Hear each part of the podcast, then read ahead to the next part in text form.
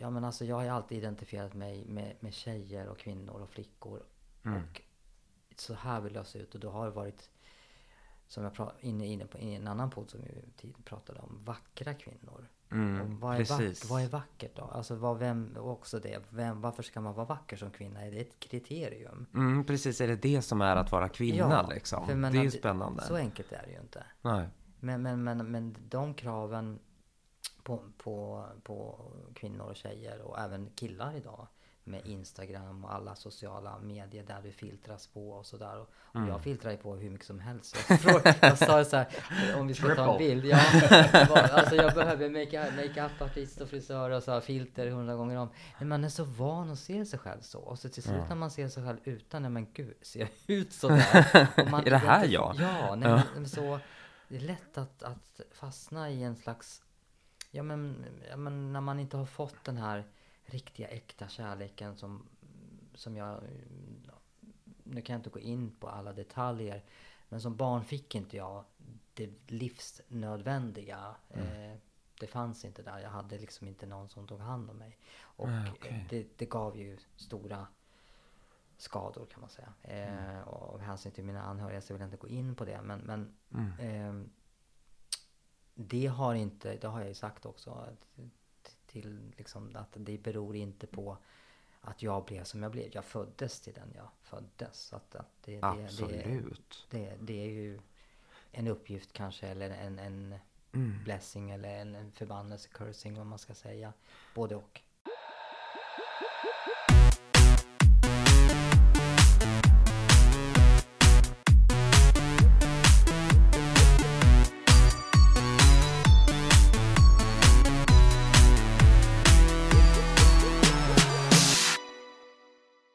Nämen halli hallå och hjärtligt välkomna tillbaka ska ni alla vara till Ytspänning, den här podden där vi både gräver i ytan och dyker ner till havsbotten. Tänk, vi är helt unika. Vi är helt unika. Vilka har någonsin gjort det här förutom oss? Nej. Vad skulle ni vara utan oss? Nej, det är otroligt. Ja, verkligen. Hej Christiania Kaspersen, hur mår du? Hej Alexa Landbergia. Jo tack, det är eh, bra. Det var lite raj-raj igår, så man Eh. känner sig lite... Ja, det måste Lite- man ju säga. Ja. Raj-raj så att vi nästan sitter och är berusade i inspelande stund. intill. Men eh, det är ändå en positiv känsla. Det var ju en väldigt härlig fest. Och, eh, Ja, och jag var så nära mina, energi då. Eller hur? Jag har varit så nära mina känslor hela dagen idag också. Ja, gud ja. Vi har suttit här och varit uh, gråtmilda, Ja, minst sagt, för våran spännande gäst. ja, totalt. För idag har vi säsongens första gäst och det är inte vem som helst. Eh, det här är en person som vi kände till mycket väl redan när det begav sig på Pride på slutet av 90-talet. Början av 2000-talet. Ja. Ja, och början av 2000-talet. Vi pratar om Marco Lehtojoki, en lysande stjärna i Stockholms uteliv och i Pride-paraden, i vilken han länge var känd som Marco med hästen. Mm. För till häst, klädd till brud, paraderade han genom Stockholms gator när det var Pride-festival i Stockholm. Han har vunnit titlar som Miss Pride och Drag Queen of the Year. Men efter 2008 drog han sig tillbaka, och i alla fall från offentligheten. Och vi är nyfikna på vad som fanns bakom de här påkostade galautstyrslarna, brudutstyrslarna till häst, eller som när han åkte i paraden på en gigantisk stor scen och mimade till olika låtar som en stor schlagerstjärna. Och vi är också nyfikna på var han är någonstans idag. När, när man presenterar Marco så, så det är svårt att omfatta honom för att han var ju som sagt känd som Marco med hästen. Eh, alltså att han red i Pride-paraden varje år eh, som en vacker brud. Men han, och han vann ju Drag Queen of the Year, men han, han var ju inte drag queen Nej, egentligen. nej. Utan är ju ett feminint... väsen, Ja. eller en väsen, en, en människa som är feminin och som Mm. också ser ut som en kvinna och rent socialt lever i den eh, kvinnliga rollen Mm. utan att göra något fuss about att han egentligen är född till man. Mm. Så det är verkligen en transperson i ordets rätta bemärkelse. Det är inte Mm. någon som har bestämt sig för en identitet och lever utefter den, utan så här föddes jag, så här ser jag ut och det här åtrår jag, så här vill jag presentera mig för världen och transpersons konceptet föds ju någonstans där då i mötet med alla andra och vad man läser in och vad Mm. man ser och att man kanske inte kan placera en person som Marco alla gånger i de här snäva kategorierna man, kvinna. Nej. Verkligen inte. Och det är helt underbart. Mm. Ja, det, det är ju verkligen det. Eh. Även om det förstås är förknippat med mycket svårigheter och kamp också. Att Mm. vara i ett mellanförskap eller liksom att man... Mm. Verkligen. Ja, nej, men definitivt. Jag är så taggad på det här samtalet. Eh, och ja, vi kanske ska vara ärliga med det då, att vi har ju redan spelat in samtalet, så fån eh, görs i efterhand. Eh, och det som var så fint var att vi bara kunde trycka på räck, Mm. så började ett riktigt samtal mellan tre personer som ni ska få lyssna på nu. Mm. Mycket nöje.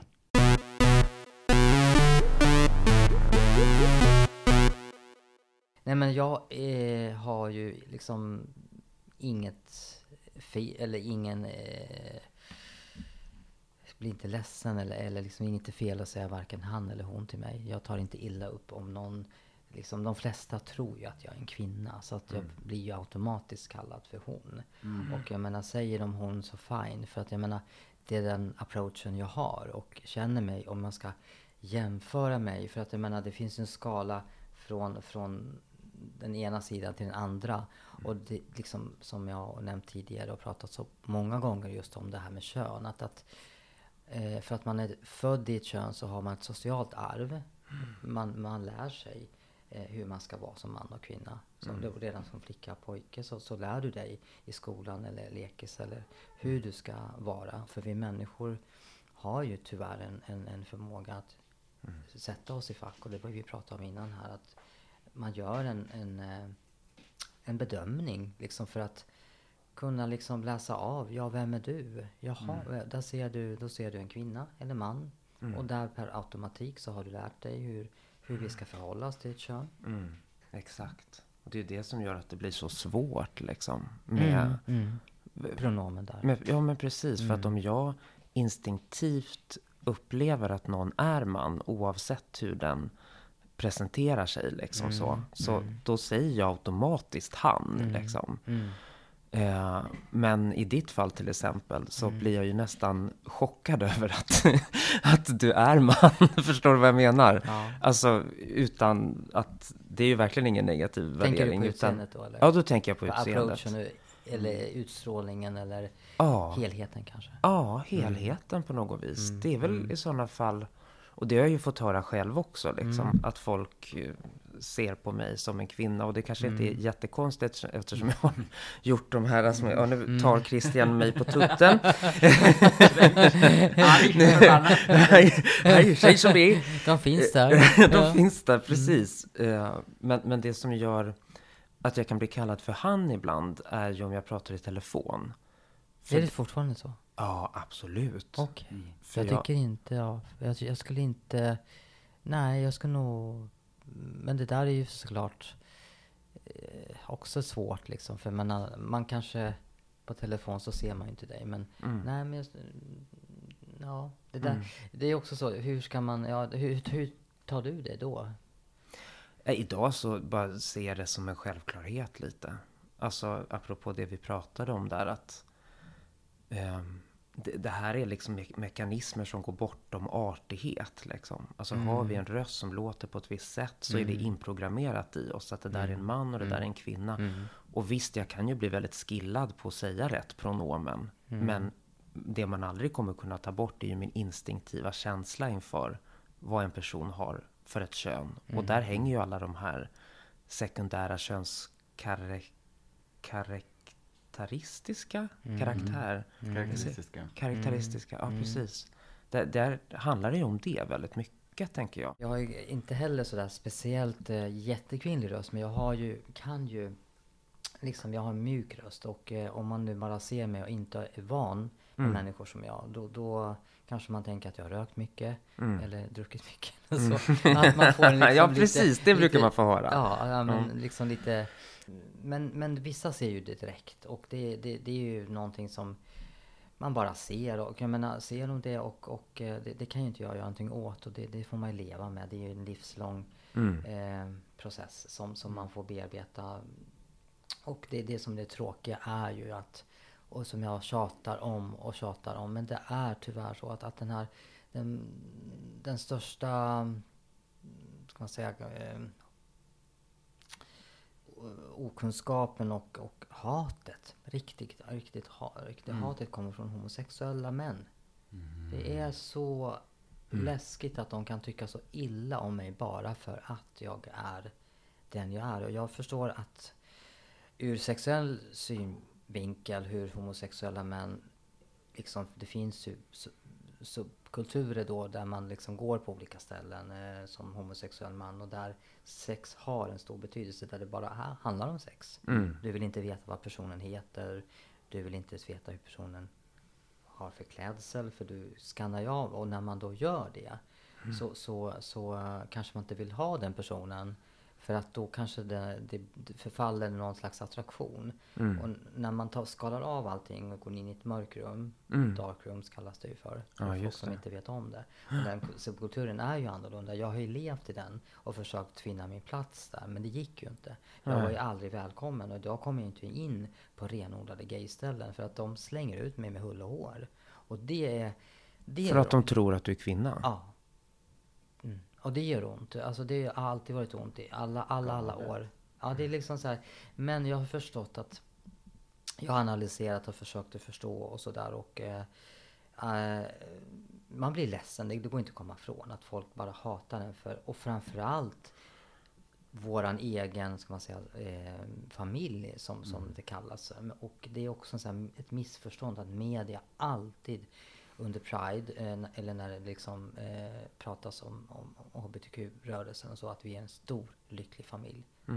Big, alltså, mm, big eh, mistake. Eller, det, är stort, alltså, det är inte sant. För att det finns så mycket mellan, mellan ho- homosexuella och lesbiska. Eh, om man, eh, hur ska man säga? Får man säga lesbiska? Det här är också så här, Självklart. Lesbisk. Lesbisk flata. Ja, för det är också det här. Lesbian, ja. Ja. Lebba. Ja, för, för jag menar, det är också så här när vi pratar om det, det här med att, att pronomen och vi började med liksom att vad får man säga till, till en homosexuell, är det en homosexuell kvinna, är det en lesbisk kvinna, är det en flata, är det en truckflata, är, är det en, eh, vad kallas den här, eh, femme fatale? eh, Femme eller femme- butch Ja, eller- mm. det finns ju de här också för folk som inte känner till det här. Så finns det en rad eh, twinks och det finns beer, det finns you name it liksom. Eh, så menar, det är ju också så här, där kan man också säga fel, de är inte mer än människor. Eh, Men, men där är det extra tydligt och det handlar ju om tror jag att vi i, i vår familj eller som människor vill hitta en identitet. Eh, och gärna liksom sätta oss eh, Ja. paradoxalt i ett fack. Ja men jag är en twink, jag är en björn, jag är en butch. För att liksom, ja men det är så, jag känner att jag har en samhörighet. Eh, och jag menar liksom den här identiteten för mig, det är för, för det första är det ju för de flesta ett kön. Man, eh, f- eh, kvinna, pojke, flicka. Är man inte någonting av det, ja men då är man ju ingenting. Nej. Då är man ett netrum. Ett ne- eh, alltså du är, du passar inte in, du har liksom inte tillgång till den manliga sfären, den manliga gemenskapen eller den kvinnliga gemenskapen. Du står utanför båda. Du står utanför HBTQ-samhället. För att det finns transpersoner, men det finns ju enorm hierarki där också. Eh, Absolut. ja. Och det är ju det som är så sorgligt tycker jag med den transrörelse som har vuxit fram. För den är så rigid. Och den är väldigt ute efter nya boxar. Som vi ska lära oss att förstå nästan lite eh, militärt. Liksom. Så, här, så här ser den boxen ut. Och Då, då är det på det här sättet och så. Mm. Men eh, när jag träffar dig så är det så uppenbart att du lever ett liv och du har levt ett liv. Mm. Eh, där du inte liksom har kunnat välja Mm. den här mellanförskapsboxen. Utan den har givits dig för att andra inte har sett Mm. det de förväntar sig att se. Vare sig som man eller kvinna. Och det, för mig, är att vara transperson. Mm. Det är ingenting du kan välja att vara. Nej. Utan det är någonting som sker i mötet mellan en ofrivillig, normbrytande appearance, eh, sätt att vara och så vidare. Mm. I mötet då med det omkringliggande samhället. Liksom. Och samtiden. För att det kommer ju så oli- olika ut i olika tider. Mm. Vad det är för normer Mm. och Mm. Exakt. så liksom. Ja, ja men du har så rätt. För att det, det är ju just mellan mötet där liksom där du, som vi sa det här med identitet och jag pratade om det, alltså man, kvinna. Mm. Sen som vi, vad är tillåtet att fråga, "Jaha, vad jobbar du med? Liksom, för det är ett, ett yrke är ju en identitet. Ja. Många har ju bara det att gömma sig bakom. Jag menar de kanske är så, jag menar de är läkare så, så är de väldigt, väldigt Mm. privata och har integritet och inte vill liksom, alltså de är läkare, that's it. Och då får man en annan respekt, eller många får det. Mm. Eller om man är politiker eller vad man är. eh, Eh, så att kön, eh, eh, vad ska man kalla det för, eh, yrke. Mm. Eh, det, det blir ju en form av identitet. Mm. Plus att var du bor någonstans. Eh, det är också så här, jaha, var bor du någonstans? Och Mm. där får du också en, en bedömning. Bor du i Skärholmen? Mm. Vi tittar på, på samhällets ut, eller samhällets eh, vad ska man kalla utveckling av, av de här så kallade problemområdena där det är stora problem och det kan vi inte bortse ifrån att det är ju obehagligt att politikerna inte bryr sig för, förrän det liksom det händer dem själva. Mm. Det, det, det har jag liksom, det har man, ju, det har man sett länge liksom att de har totalt liksom lämnat det och lämnat dem åt sitt öde. Och sen har man så ett eget personligt ansvar. Alla har vi ett ansvar att ta hand om oss själva. Men, men vi borde få mer stöd. Och, och framförallt under, efter pandemin och under så, så förstärktes ju de här skillnaderna enormt mycket eh, av socialt utsatta områden där vi vet ju alla hur liksom, alltså de som blir drabbade, de kan inte svenska, de eh, förstår inte och de får inte den hjälpen och så. Och eh, det speglar ju bara just det här hur världen ser ut. Och även i, i våran värld då, eh, att gay-killar idag, skulle jag säga, i Sverige. Det, finns, det kommer nog alltid finnas människor som aldrig kommer att acceptera det, oavsett vad man gör. Det spelar ingen roll. Är du gay så är du liksom inte okej. Men de flesta idag rycker inte på axlarna. För 30 år sedan var det hysch hysch. Det var till och med kriminalis, eh, kriminellt till 1976 om jag inte minns fel. 79 tog de bort... då- Sjukdomsstämpeln. Sjukdomsstämpeln, ja. Var Och, 79? ja, och fram till 40. 1946 var det kriminellt. Så var det mm. Men ändå vara sjuk. Och även transpersoner. Att Ja, vi ja, skulle vara visst. sjuka. Och det, det är klart att det sitter kvar i många generationer. Genom, Mm. alltså, det, vi får det i ett arv liksom från, från våra föräldrar och från samhället. Och, och från alla möten och allt det här. Så att det är, det är en enorm kamp och där, där homosexuella män är idag. Och, och eh, då skulle jag säga att vi transpersoner är där Mm. i den början av den kampen och börja synas och höras och ta plats.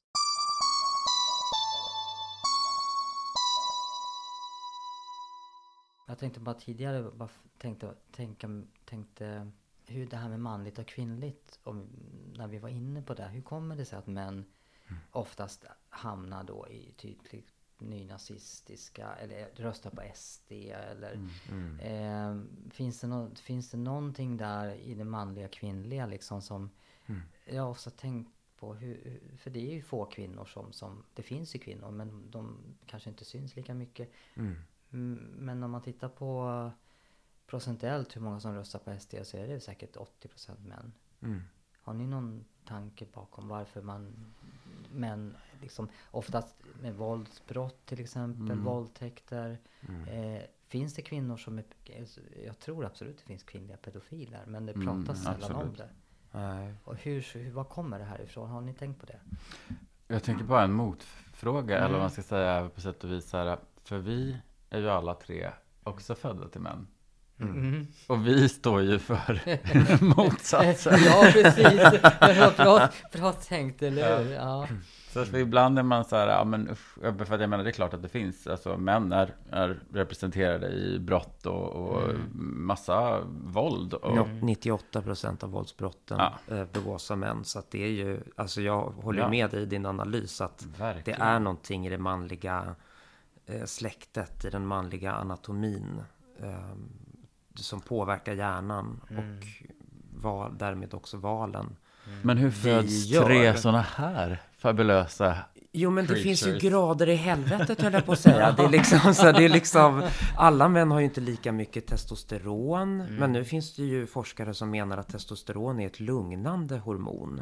Mhm. Ehm, så att det, man blir inte aggressiv på grund av testosteronet utan det är någonting annat då liksom som gör att vi Men ja, blir... för jag tror inte det där heller så mycket. Jag menar, du fick väl kolla upp dina testosteronvärden när du gjorde- gick könsutredningen. Ja, och ja, du hade ja. ju helt normala. Helt normala. Jag helt Jag hade övermedel. Eh, Jag hade övermedel när jag gjorde min könsutredning. har du jag tänkte, övermedel? Ja, jag tänkte, var finns de någonstans? ja, men var finns de? Så här, ser ni dem någonstans här? Finns de här.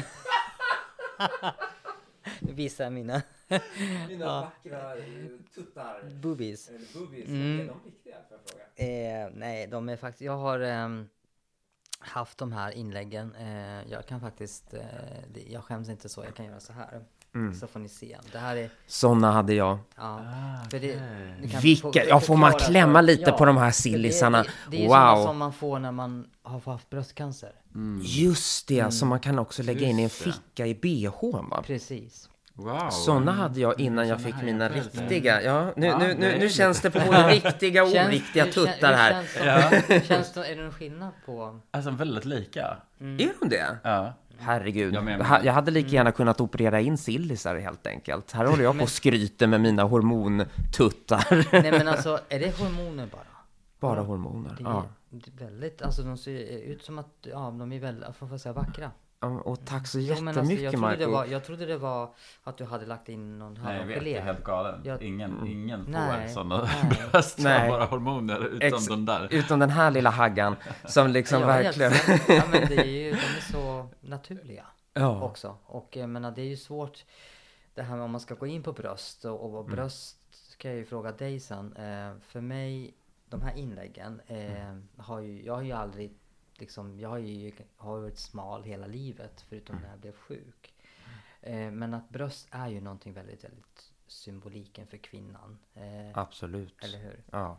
Eh, Och då tänker jag mer på, alltså det är ju för det första som barn så får man mat eh, genom dem och en, en, en, en kvinna liksom, eh, det är kvinnans, man ska säga, anatomi som gör att, att hon kan ge barnet det här, den här näringen och mjölken och allt det här som finns där, det viktiga, närheten och så till brösten. Så det är väldigt mycket laddat. Det är sexualitet.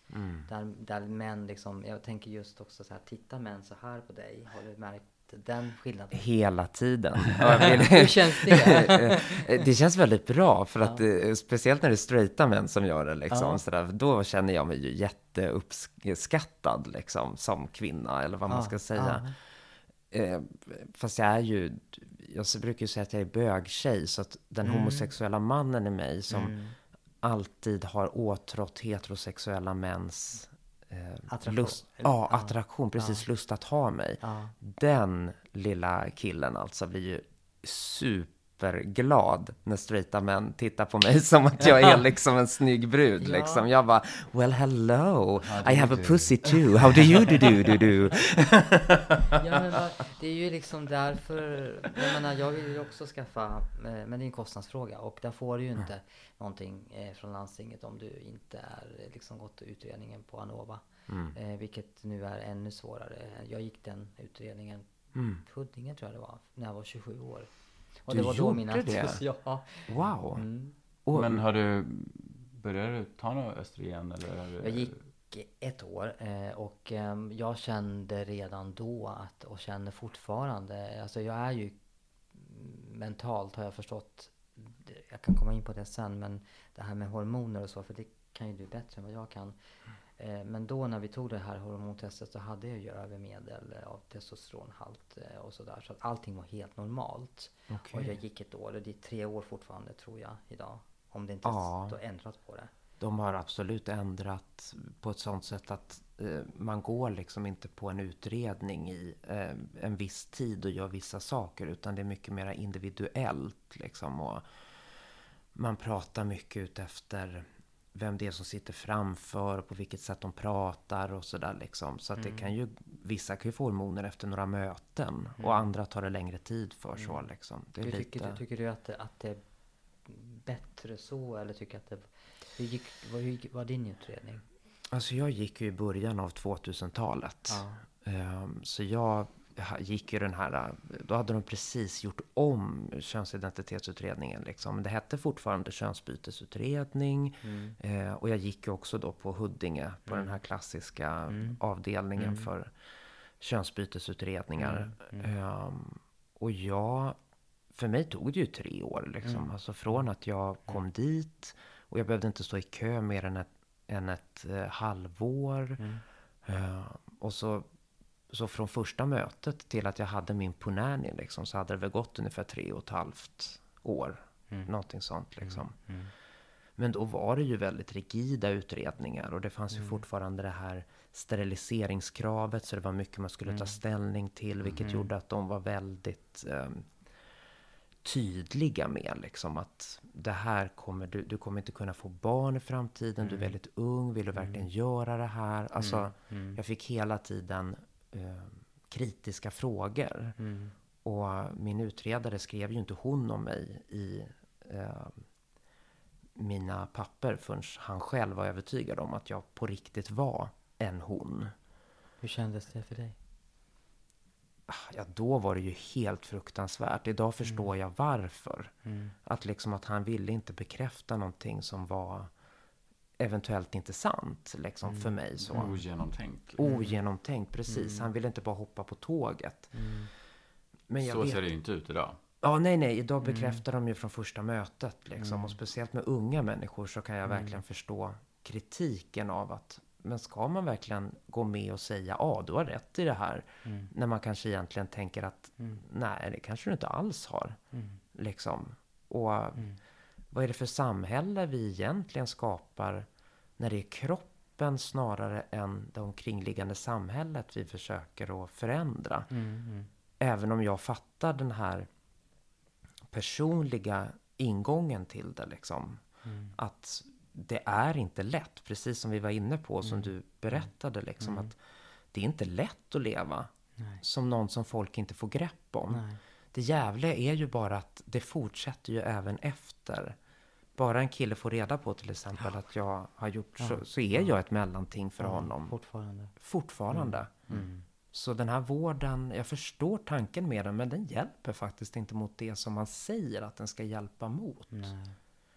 Och Det löser ju inte allt för det är ju liksom Det som jag känner att, att, att, att de här ingreppen eller, eller jag har gjort liksom eller Jag har gjort lite kosmetiska ingrepp i, i ansiktet för att jag har ja, du har det. Ja, Ja, jag, jag, jag, jag, alltså jag har inget problem att prata om ålder. Det, det är också en sån här sak som man...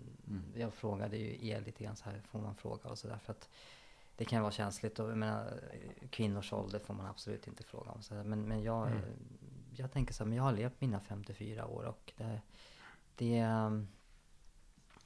har bara blivit så att jag menar, jag är 54, jag vill tala om det liksom. Att, att det har inte varit lätta 54 år. Eh, men att, att de sista åren har jag ju haft de här varje dag på mig. Det som jag pratade om, mina fransar. Eh, och, och, och löshår. Fake it to make it. ja, just det. ja, så det, det är liksom en del av min identitet. Därför att den, utan den, jag skulle faktiskt nästan på riktigt gå utan kläder. Än, än att sätta på mig, eller, eller att jag, om jag går ut utan de här inläggen, nu har jag bara haft dem varje dag i ett år, mer än ett år. Och så, innan det så tänkte inte jag så mycket på, för folk sa hon om mig i alla fall, men att när eh, jag gjorde lite kosmetiska ingrepp förra året och för att om jag skulle då gå hela vägen ehm, när man då ska könskorrigera sig också. För där var vi inne på tidigare att jag gick ett år och jag fick diagnosen könsdysforfi. Dysfori. Ja. Och det, det är liksom, eh, men jag var inte transsexuell. Och hur de kom fram till det, det vet jag faktiskt inte. Utan jag fick ju prata med läkare, sjuksköterskor och sen var det ju, de tog massa prover och de kollade du vet, alla värden och allt. Jag var ju normal man liksom, fast jag inte är det. Jag, alltså, jag så- och vad är normal man då? då? Eh, alltså rent fysiskt så har jag ju allt som män har. Jag ser ut som en man utan kläder. Eh, jag är liten, ja. Jag, men det finns små män också som är jättemanliga. Så det där har inte någon betydelse så. Eh, men att jag har väl alltid känt att mitt underliv, där känner jag att jag besväras inte av det så att jag mår illa av det. Gud, jag vill inte ha, och jag tycker inte att det här passar in på mig. Men däremot har jag alltid varit väldigt Ja men alltså jag har alltid identifierat mig med, med tjejer och kvinnor och flickor. Och så här vill jag se ut och då har det varit som jag pratade inne, inne på i en annan podd som vi pratade om, vackra kvinnor. Mm, vad, är precis. vack, vad är vackert då? Alltså vad, vem, också det, vem, varför ska man vara vacker som kvinna? Är det ett kriterium? Mm, precis, är det det som är att vara kvinna liksom? för men det är ju spännande. Så enkelt är det ju inte. Nej. Men, men, men, men de kraven på, på, på kvinnor och tjejer och även killar idag med Instagram och alla sociala medier där du filtras på och sådär. Och, och Mm. jag filtrar ju på hur mycket som helst. Jag, frågade, jag sa så här, om vi ska ta en Triple. bild. Ja, var- alltså jag behöver make- makeup-artist och frisör och så här, filter hundra gånger om. Men man är så van att se sig själv så. Och så till slut när man ser sig själv utan, nej men gud, ser jag ut sådär? Och man Är det här jag? Ja, nej, Ja. Men, så det är lätt att, att fastna i en slags Ja men, ja men när man inte har fått den här riktiga äkta kärleken som, som jag Nu kan jag inte gå in på alla detaljer Men som barn fick inte jag det livsnödvändiga eh, Det fanns inte där, jag hade liksom inte någon som tog hand om mig Och Ah, okej. det, det gav ju stora skador kan man säga. Eh, och av hänsyn till mina anhöriga så vill jag inte gå in på det. Men, men ehm, det har inte, det har jag ju sagt också. Att, till liksom att det beror inte på att jag blev som jag blev. Jag föddes till den jag föddes. Så att, att det, det, det, Absolut. det, det är ju en uppgift kanske eller en, en Mm. blessing eller en, en förbannelse, cursing vad man ska säga. Både och. Ja. Ja, men däremot när vi lyssnade på drottningmötet Mm. eh, med dig, där du var med, Robert Fuchs fantastiska podd. Och Ja. ett, eh, jag sa ju det till dig innan också, att jag tycker att det, här, det var ett av de mest rörande avsnitten eh, som kul jag lyssnade på. Ja. Mm. Nej men också för du var så transparent med att du kände dig, jag vet inte om det är rätt ord, men att du kände dig oälskbar. Ja, mm, det stämmer. Mm. Ja, hela känt. Alltså om jag- tittar på mig själv nu när jag kom hit och, och, och fotade mig så, så vet jag att det finns en inre sorg någonstans i mig. Som tyvärr, den får jag leva med liksom. Att, att, att jag orkar inte vara ett mellanting. För då är man ingenting. Och då är man, då är man liksom, ja man blir inte älskad utan man blir betraktad som som ett sexobjekt. Det har kostat och kostar på. Eh, och jag har gått med på vissa villkor. Eh, men till slut så känner jag bara att nej men Ska jag liksom eh, Ska jag gå med på det här? För att det, det till slut så Så tar det ju död på själen att, att inte bli sedd för människan. Nu blir det Mm, jag blir jätterörd. Ja. Ja, nej men bli, alltså det Mm. Du förstår. Jag vet, Ja, att, ja, jag gud, vet ja. att du förstår. Absolut. Eh, det är inget, det är inget, men, men att, att det är en, en sorg att inte passa in, inte bli älskad, att, att eh, inte ha fått...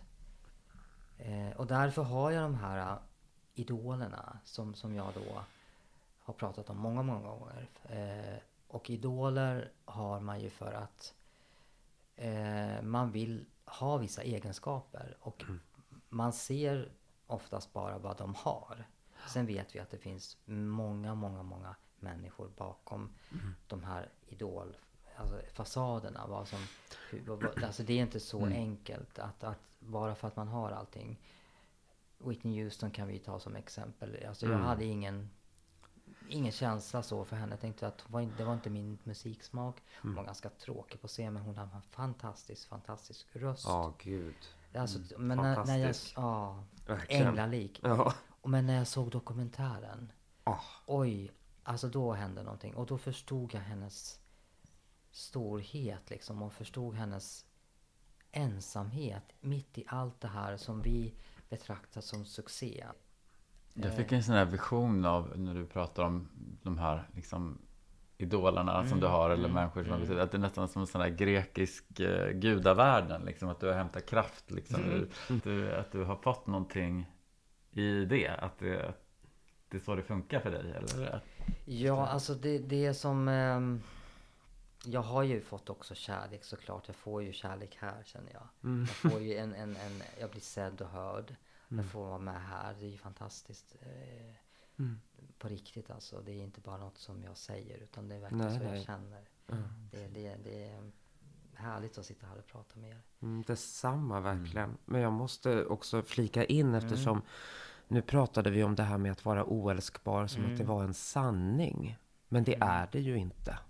Tänker jag. Alltså, det finns ju så många, eller så många, men vi, vi pratade om det också i förra avsnittet, att det finns ju de som både har förlorat armar och ben och liksom fortfarande har någon som står vid deras sida och de har träffats efter ja, olyckor och liksom, och det finns folk som har slåss mot fruktansvärd övervikt till exempel, vilket är enormt tabubelagt i samhället, som också hittar kärleken och sådär.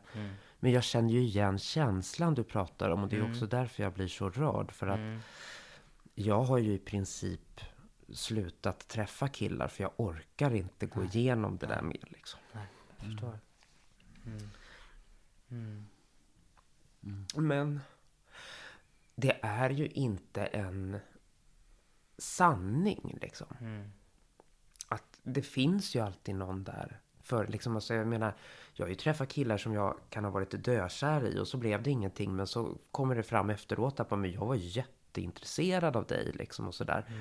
Så att någonstans så har man ju också Alltså man har tagit det till sin person på något vis liksom. Och man nästan, man är nästan den som själv nu för tiden eh, Man föregår avvisar och tar bort. Ja men precis, exakt. För att inte bli...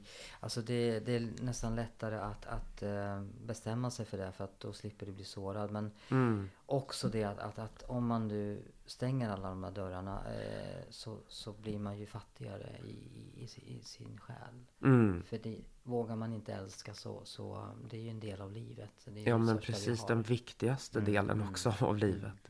Men, men då misstänker jag, när du säger det så, Mm. då har du inte stängt de dörrarna. Utan du letar fortfarande eller är Oh, tillgänglig.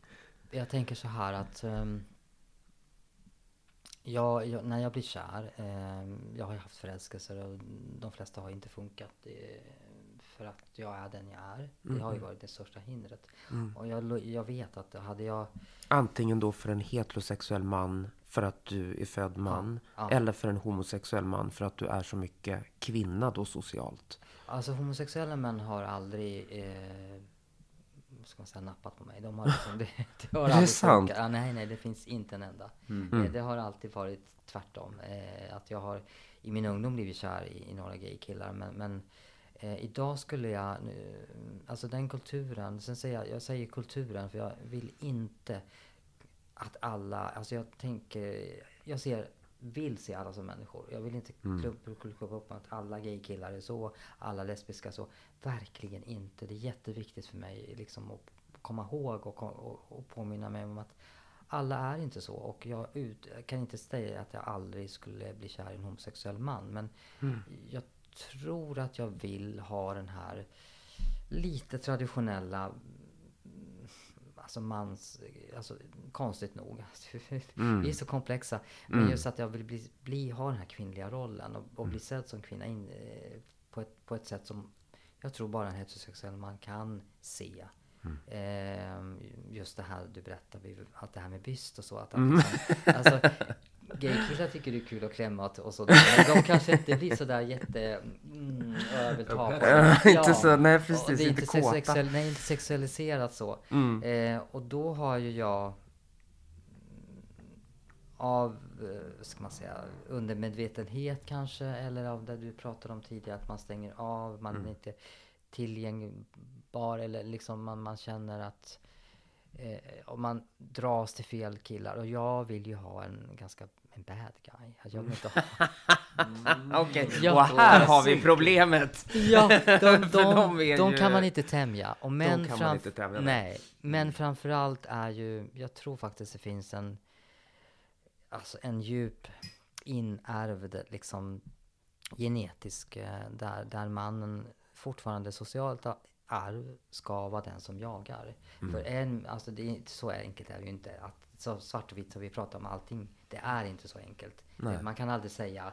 Men det, om, om generellt sett har jag märkt att ju mindre du jagar en man, det finns ett spel mellan man och kvinna, mellan heterosexuella, där Mm. du som kvinna måste förväntas vara på ett visst sätt och på man. Och du ska ta de här stegen och du ska inte smsa på tre dagar, du ska inte Mm. göra det, du får inte ligga på första dejten. Det finns många, många sådana.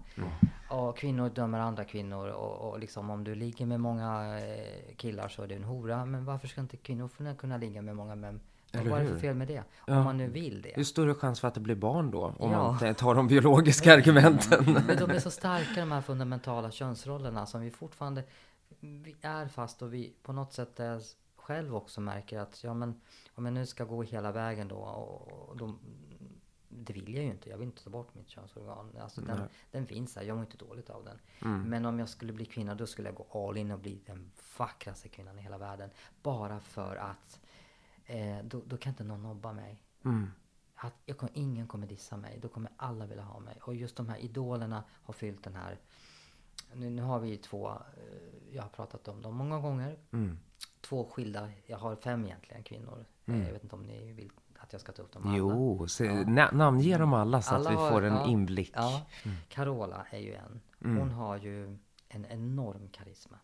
Det är bara, pff, man bara ramlar av stolen. Och hon, hon ehm, har en gåva och hon vet eh, hon vet hon ska använda den. Så att hon, hon har påverkat mig jättemycket. Eh, sen har vi en annan kvinna som, som tror jag många eh, inom vår kultur och, eh, och kvinnor också eh, har tagit till sig. Det är Madonna. Mm. Eh, hon är också, där har mitt hjärta. Ja, visst. Hon har betytt supermycket för mig. Hon har det. Mm. För det kanske, ja, vill du berätta varför? Alltså jag tror att hon liksom, när jag växte upp i en liten byhåla, liksom, jag minns att vi brukade vara um, på en hamburgerställe någon gång när vi åkte, alltså så här, där de visade hennes videos. Och det var liksom så här, där vill jag vara. Finns den här världen? Det var så fantastiskt. du... Och brinnande kors och dramatik Ja, och La Isla Bonita Ja. och Vogue och alltså Ja, det var ju ja. bara, nej det var, det, nej det ja, betyder vi förstår varandra. Alla, alla Madonna-fans förstår. Absolut. Mm. Ja. Det, det är liksom en ikon och, eh, och just fascinationen av när man tittar på henne när vi pratar om filter. Mm. Eh, och hon har, eh, min analys är att det är väldigt svårt för Madonna att åldras. Ja. Oh yes. Det är så Very sorgligt, much so. sorgligt att se för att Alltså hon, är- man fascineras av att hon fortfarande eh, ibland så man kan se Alltså hon är 64 år och ser Mm. ut som 30. Sen vet jag inte vad som, hur mycket, hur mycket av det när man ser det är klart att hon har de bästa makeupartisterna. Hon har gjort operationer säkert. Och, Mm. alltså, jag kan inte säga vad hon har gjort och inte gjort. Men, men det är She's ändå, done it all. She really has. allt, men- du kan, allt du kan tänka dig. ja, men hon är ju liksom, jag menar det är liksom inget fel i det. Jag älskar att hon gör det och hon skiter i det. Eh, ja, vi kan prata om hur länge som helst, men där har vi nummer två. Mm. Sen har vi Diana då som pratar i podden. Just det. Eh, och hon, hon var ju en kvinna som... Just det, prinsessan Diana. Ja, just det. Jag glömde säga det. Jag tänkte så att alla visste vem Diana var. Lady Diana Lady Di. Spencer. Nej. Vi följde väl henne och, och såg, eh, och vi följde väl alla henne och, och rubrikerna och eh, någonstans så, så fastnade ju hon för att hon vågade och eh, visa de här sidorna som vi pratar om.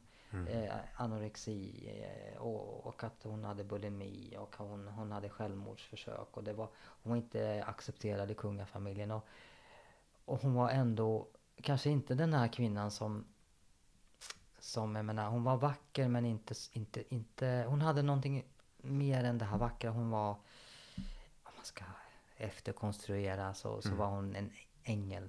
Mm. Hon, hon liksom på något sätt var här och, och då och eh, ja, hon hjälpte många människor tror jag genom att bara visa att det är inte så glitter och glamour. Där var hon en och sen var vi, nu ska vi se, tre stycken.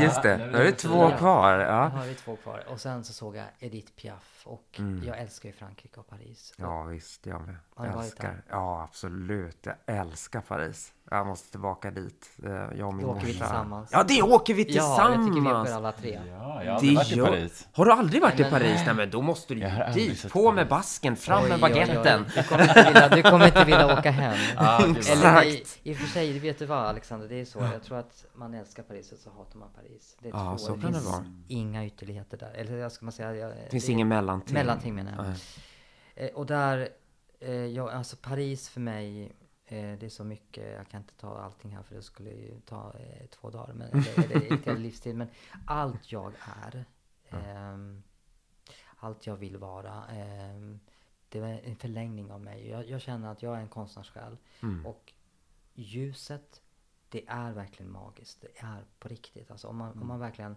det, går, det, liksom, det, det är som en film fast hundra gånger bättre. Mm. Varenda kvarter, jag ser alltid något vackert i Paris. Även om det är ruffigt, det kan vara kallt, det kan vara hårt. Men jag, jag har tagit Paris till mitt, till mitt hjärta. Du Och skulle kunna vara fransyska. Ja, verkligen. Jag tänkte just säga det. Du... Merci beaucoup, monsieur. C'est très Ja, gentil. de rien.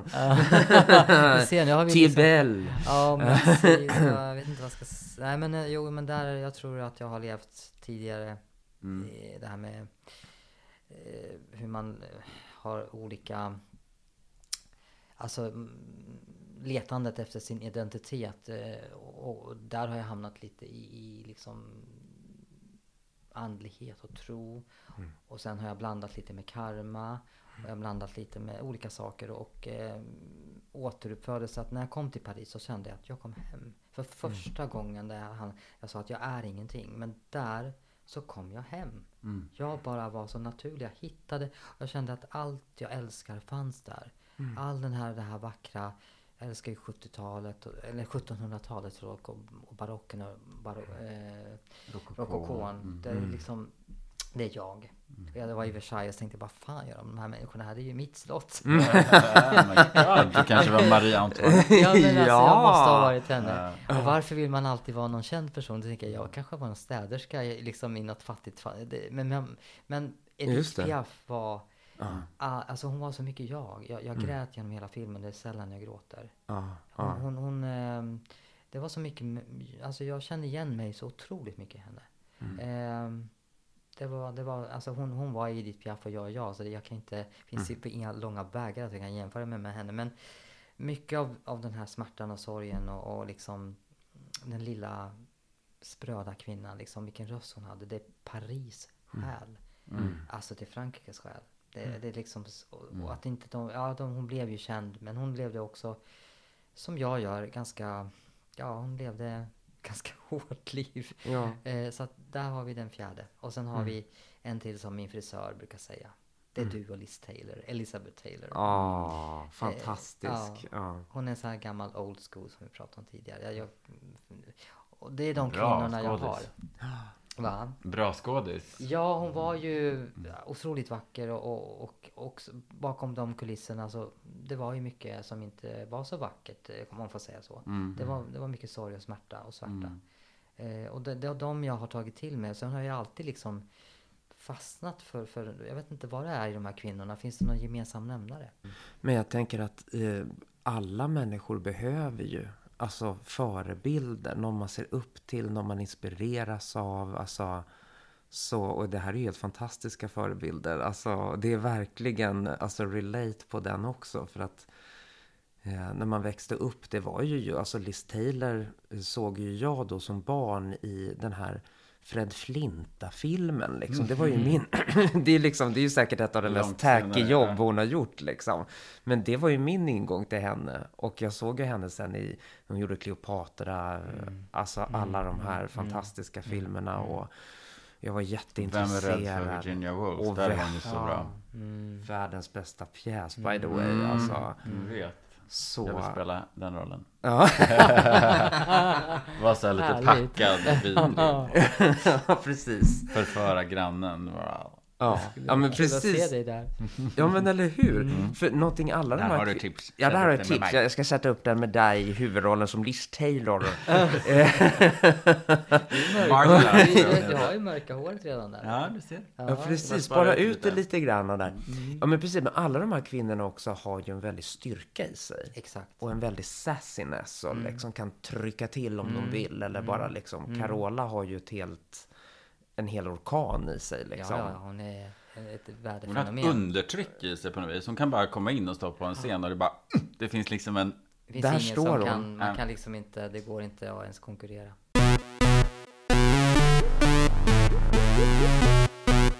Okej, Då, är ja. du redo för fem snabba med ytspänning? Yes. We, Oui, när känner du dig som snyggast? Eh, när jag har varit som makeupartist och uh, blivit stylad av Peter Hägerstall. Mm. Eller stylad, fixad i håret kan man säga. Eller ja. Mm. Vad identifierar du dig som? Max tre saker. Åh, oh, det var svårt. Nu ska jag tänka efter. Vad identifierar jag mig som? Konstnärssjäl. Eh, rebell. Ehm, outsider.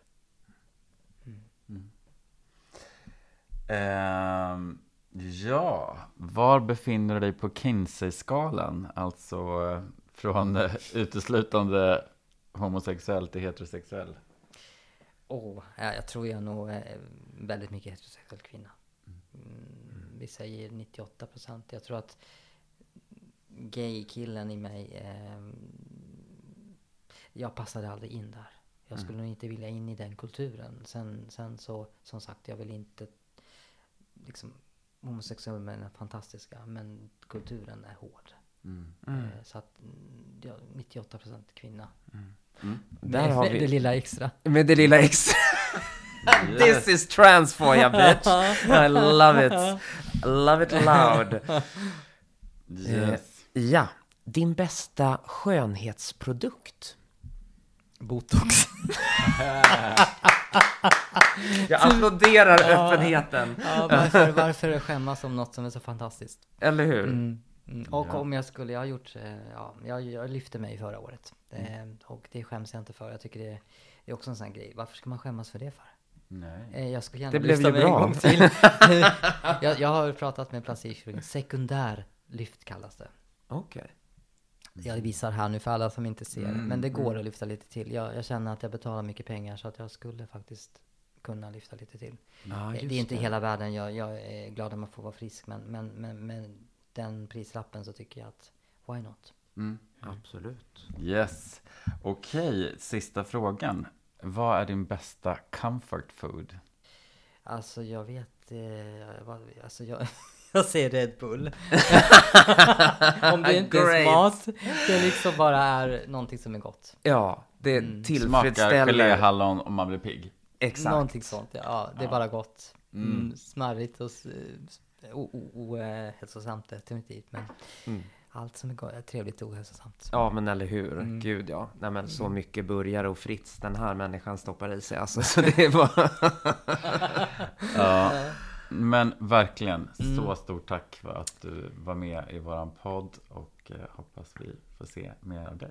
Ja men tusen, tusen tack. Det var fantastiskt ver- över hela mitt hjärta. Det var så uh, bättre än vad jag någonsin hade föreställt mig faktiskt. Ni är så duktiga och så trevliga och så varma och generösa. Fortsätt med, med det och fortsätt med er podd. Och jag önskar också er lycka till och hoppas att det här, att ni också eh, har kanske mål som ni verkligen, ni, ni förtjänar alla dem.